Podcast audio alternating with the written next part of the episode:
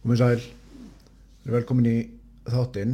Við ætlum að fjalla um í dag uh, sambandslist, sambandslit og ástarsorg. Ég nefnilega fjekk, ég er búin að fá nokkur bref, nokkur skilabóð, nokkur að posta á, mér þykir mjög vænt um það.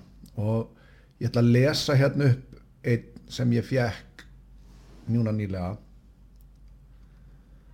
Og hann hljóma svona, blessaður. Elska þættina þín á brotkastinu, væri til ég að hlusta á því allan daginn tala. Já, takk fyrir það, það er ekki allir sammála þessu. Þetta var þart fyrir íslenska drengi, svo eitt er víst. Mér þykir mjög vænt um að heyra það, takk kærlega fyrir það. Ég er með eina fyrirspörn, getur þú tekið fyrir sambandsvana eins og sambandslit eða ástasorg?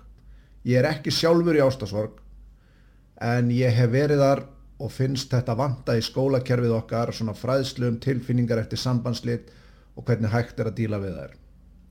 Analæsa hvað gerðist, af hverju fór, af hverju hún fór, hvernig við ítum þeim lengra frá okkur þegar við bregðumst íla við sambandslitunum og svo framvegis.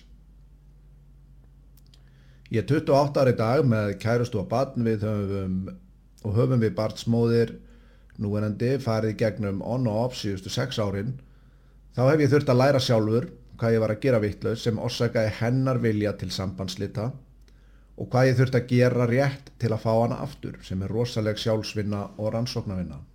Þetta er algjörlega rétt hérna. En þegar ég var 19 ára þá lendi ég í fyrstu sambandslitunum mínum og misti gjössanlega stjórn á lífið mínu.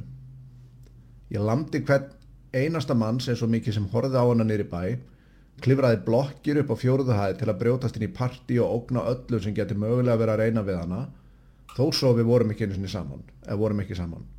Ég varð algjörlega óttalauðs við dauðan og lífið. Þetta var skelvilegu tími og munaði litlu að ég hefði eðilagt líf mitt gjörsanlega og endanlega.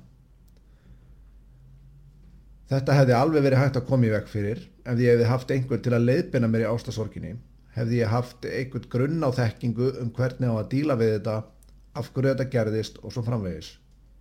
Hefði aldrei dóttið í hug hvað ástasorg var fyrir þetta skeiði hefði aldrei geta ímynda mér að þetta væri svona sársökafullt heldur. Það þarf fræðslu, svona fræðslu fyrir unga drengi. Ég hef miðla minni þekkingu til yngri frænda minna og bræðra minna sem skilaði sér í því að þeir